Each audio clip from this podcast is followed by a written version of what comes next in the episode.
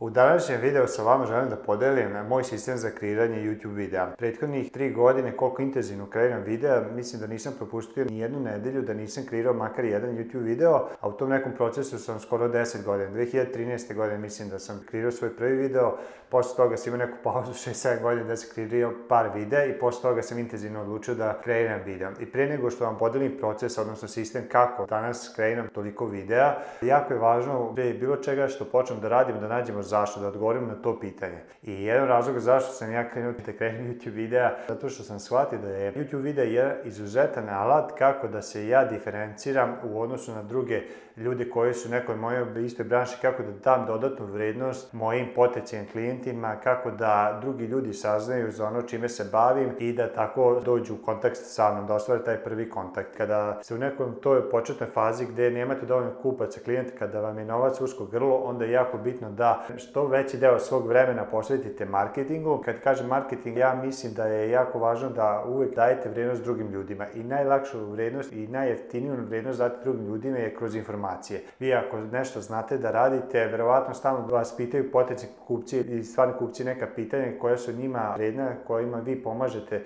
sa svojim odgovorima da reše neke njihove probleme, tako i ovde. Ovo je samo prilika ako snimite jedan YouTube video, ako ste imali neko pitanje koje ste dobivali desetinama ili stotinama puta, ovako ako možete sistemski to rešiti, snimite taj odgovor, postavite pitanje, kao što sam ja na početku ovog videa rekao, odgovorite i onda besplatno to uploadujete i stavite na YouTube. Ljudi kad to pretražuju na YouTube, u pošto je YouTube drugi najveći pretraživač na svetu posle google a a Google inače je otkupio YouTube, tako da su povezani i jedan drugog podržavaju. Ti ljudi dobiju vrednost malo od vas, dobiju odgovor na neko svoje pitanje. Ako imate nekoliko još videa na teme koje te ljudi interesu, oni će dalje vas gledati i u jednom momentu kad budu hteli da možda napravi neki konkretni korak da kupe vaš proizvod u uslugu, šta mislite, ko će biti prva osoba na njihovom Da li neko iz oglasnika nekog ili vi koga su već gledali, koga upoznaju i koga su stekli poverenje. I zato mislim da je YouTube jedan od odličnih načina da sebe izdignete u tom nekom moru sličnosti. Zbog toga sam ja krenuo, nadao sam se da će mi YouTube pomoći da to postignu što se tiče knjigovodstva agencije i zaista mi je pomogao. Danas u ovom drugom biznisu, edukativnom biznisu ili biznisu znanja takođe dosta ljudi sa saznaju za ove sisteme i onda neki kupuju moje knjige, posle toga neki dolaze na seminar, neki dolaze i na mentoring program, ali svi su počeli tako što su prvobitno bili svesni svog problema, onda su istraživali pa su naišli na ta neka rešenja koja su vidjeli na mojim YouTube videima i tako je nastao proces. Nadam se da vam je ovo moje zašto pomoglo da vi pronađete svoje zašto, pošto generalno nije lako bilo šta što započinjete, ne možete očekivati da će ići lako i zato je potrebno veliko zašto, jer ako imate veliko zašto, onda svako kako će biti mnogo lakše. E sad, što se tiče samog procesa, e, prvo neki alati koje koristim. Kao što možete vidjeti, znači, ja imam ovde Smart Mic, to je jedna stvačica koju je skupio za ton i ona je povezana na telefon. Ja koristim za snimanje videa iPhone telefon, konkretno 12-icu i uglavnom 90% videa snimam preko iPhone-a i neke videa snimam preko desktopa i onda tu koristim Vimeo ili Zoom.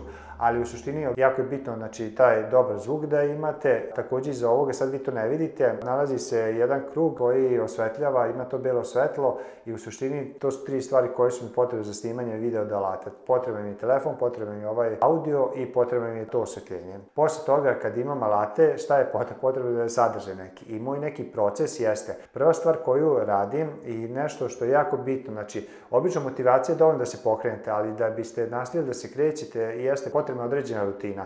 I najbolja rutina jeste da u svom kalendaru odvojite blok vremena kada ćete raditi određenu aktivnost. Ako vam nešto važno, stavite u kalendar i bit će određen rođenja. Ako nije važno, nemojte saditi kalendar. Vidio sam već sliku zašto mi YouTube snimanje važno i onda drugi korak, ajde da u toku moje sedmice da odvojim vreme kada ću to raditi testirao sam različite termine i ono što sam pronašao da za mene najbolje funkcioniše jeste da snimam subotom ujutru. Evo sad je 6.20 i u suštini ja sam blokirao to vreme i onako rano ustajem kad dođem odvojim nekih pola sata do sat vremena da istražim, snimim, tako da prvi korak da, da bukirate to vreme i šta onda radim kada bukiram to vreme subotom ujutru. Imam check listu koju svaki put bukvalno otvorim, ima nekih par stavki koje prolazim. I prva stvar koju uvek odvojim neki možda par minuta vremena jeste da pogledam brojke od prethodne nedelje, analitiku, pošto YouTube ima YouTube studio opciju, uđete tu i onda možete vidjeti prethodni 7 dana koliko ste imali pregleda, koliko su ljudi gledali vaš sadržaj, koliko su ljudi kliknuli na vaš thumbnail i tako dalje.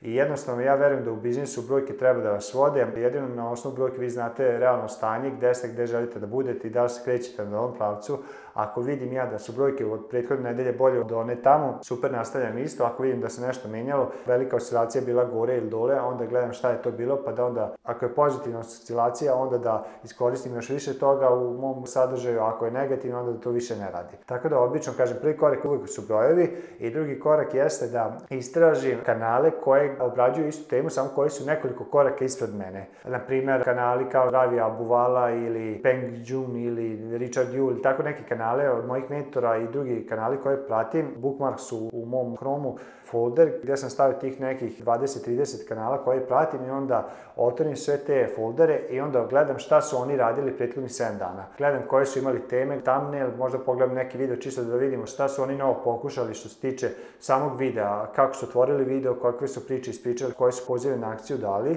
i u suštini jako mi je bitno tu da odvojim tih 5-10 minuta kako bi dobio inspiraciju ideje šta ja mogu da uradim. Jer Ali jedna stvar koju sam prethodno pravio grešku 2013. 14. godine, šta sam pokušao? Pokušao sam na silu da snimam te videe. Kako? Tako što sedim i onda bukvalno imam prazan papir ispred sebe i vidim da ne ide i onda osjećam otpor i onda mi se to više ne radi. A ovo druga stvar sam otkrio da mi je mnogo lakše doći do inspiracije ideja ako vidim nekoga šta već radi i onda jako lako dobijam smenice šta ja mogu da radim. Tako da drugi korak je obično da vidim te kanale koje pratim da bi dobio ideju za sledeći video i onda posle toga obično odredim naslov šta ću snimati, stavim dve, tri tačke koje ću pokriti u tom videu i svaki video otprilike traje tu oko desetak minuta i onda u te dve, tri tačke pokušam da podelim svoju priču, svoje primere, iskustva ili mislim da je mnogo bolje snimati YouTube video tako što ćete dokumentovati i deliti ono što vi radite, kao što ja sad radim u ovom YouTube videu, umesto da govorite drugim ljudima šta oni treba da rade, a vi niste u tome ostvarili rezultate. Ljudi će vas mnogo verodostojnije shvatiti ako zaista budete iskreni i delite ono što se kod vas dešavalo.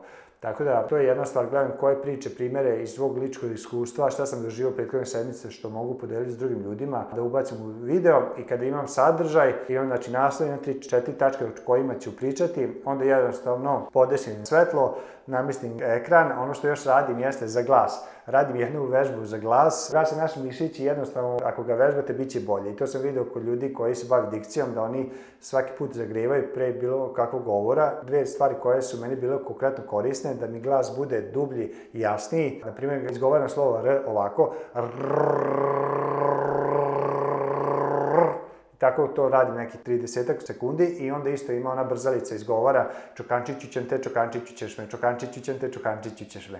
I to su neke stvari koje isto odredim par minuta čisto da zagrejem glas i onda bukvalno uključim snimanje, proverim ton da li radi, to je samo testiranje ako vidim da radi i onda krećem da snimam. I jako je važna napomena, kad krenem da snimam, nikad ne zastanem, nikad ne krenem od početka, nego jednostavno, ako krenem da snimam, počnem i ako nešto zabrljam, znači kažem nešto pogrešno ili nešto nisam hteo, ja jednostavno zastanem, I onda ponovim to što sam rekao iz početka. Cilj mi je da u jednom tom snimanju sve obuhvatim. Znači, ako hoću video da bude 10 minuta, možda će video trajati 15-20 minuta. I tajna u dobrom videu je u tom editovanju. Znači, da ne počinite iz početka jer ćete se frustrirati. Znači, ako 100 puta počinjete, jednostavno više vam se to neće raditi. Morate da učinite ovaj proces jednostavnim.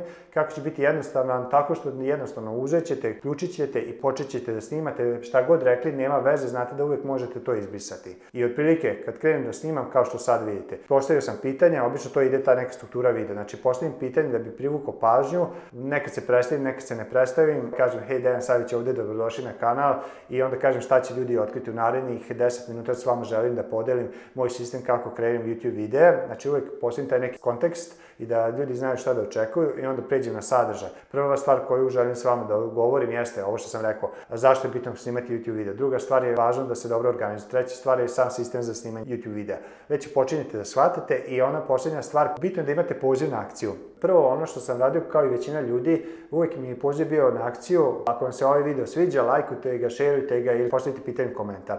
Ali mnogo bolji poziv na akciju jeste da kažete ljudima da pogledaju vaš sledeći video koji je vezan za tu temu. Zašto je to bitno? Zato što YouTube video nagrađuje sa više pregleda ako posle toga osoba ostane još na vašem kanalu.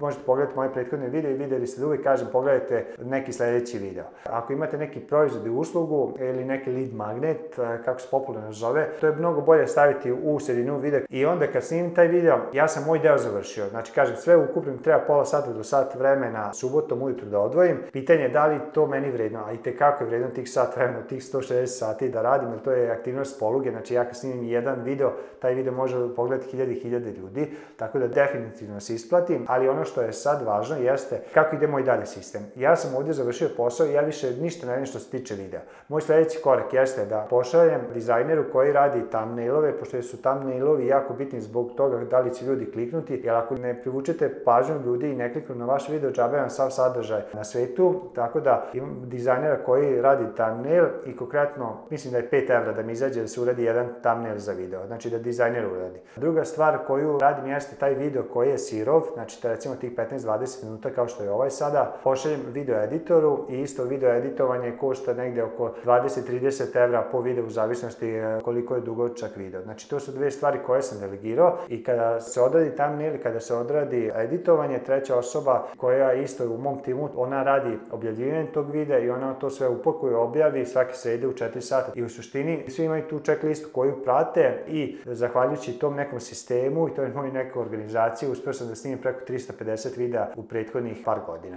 Toliko za ovaj video. Ako imate neko konkretno pitanje, sad je ovo poziv na akciju možete dole postaviti zato što nisam spremio šta da pogledate sledeće, ali evo recimo, ako želite da zaista počnete da ovo primenjujete, shvatite da najvažnija stvar koju morate uspostaviti kod sebe je ta neka jutarnja rutina i da najvažnije stvari radite odmah ujutru. I pogledajte ovaj sledeći video gde sam podelio jutarnje rutine najuspešnijih ljudi. Eto, to je poziv na akciju da pogledate sledeći video i zaista pogledajte sledeći video zato što mislim da će vam biti korisno i vidimo se sledeće nedelje. Samo napred i zapamtite sistemi su rešenje.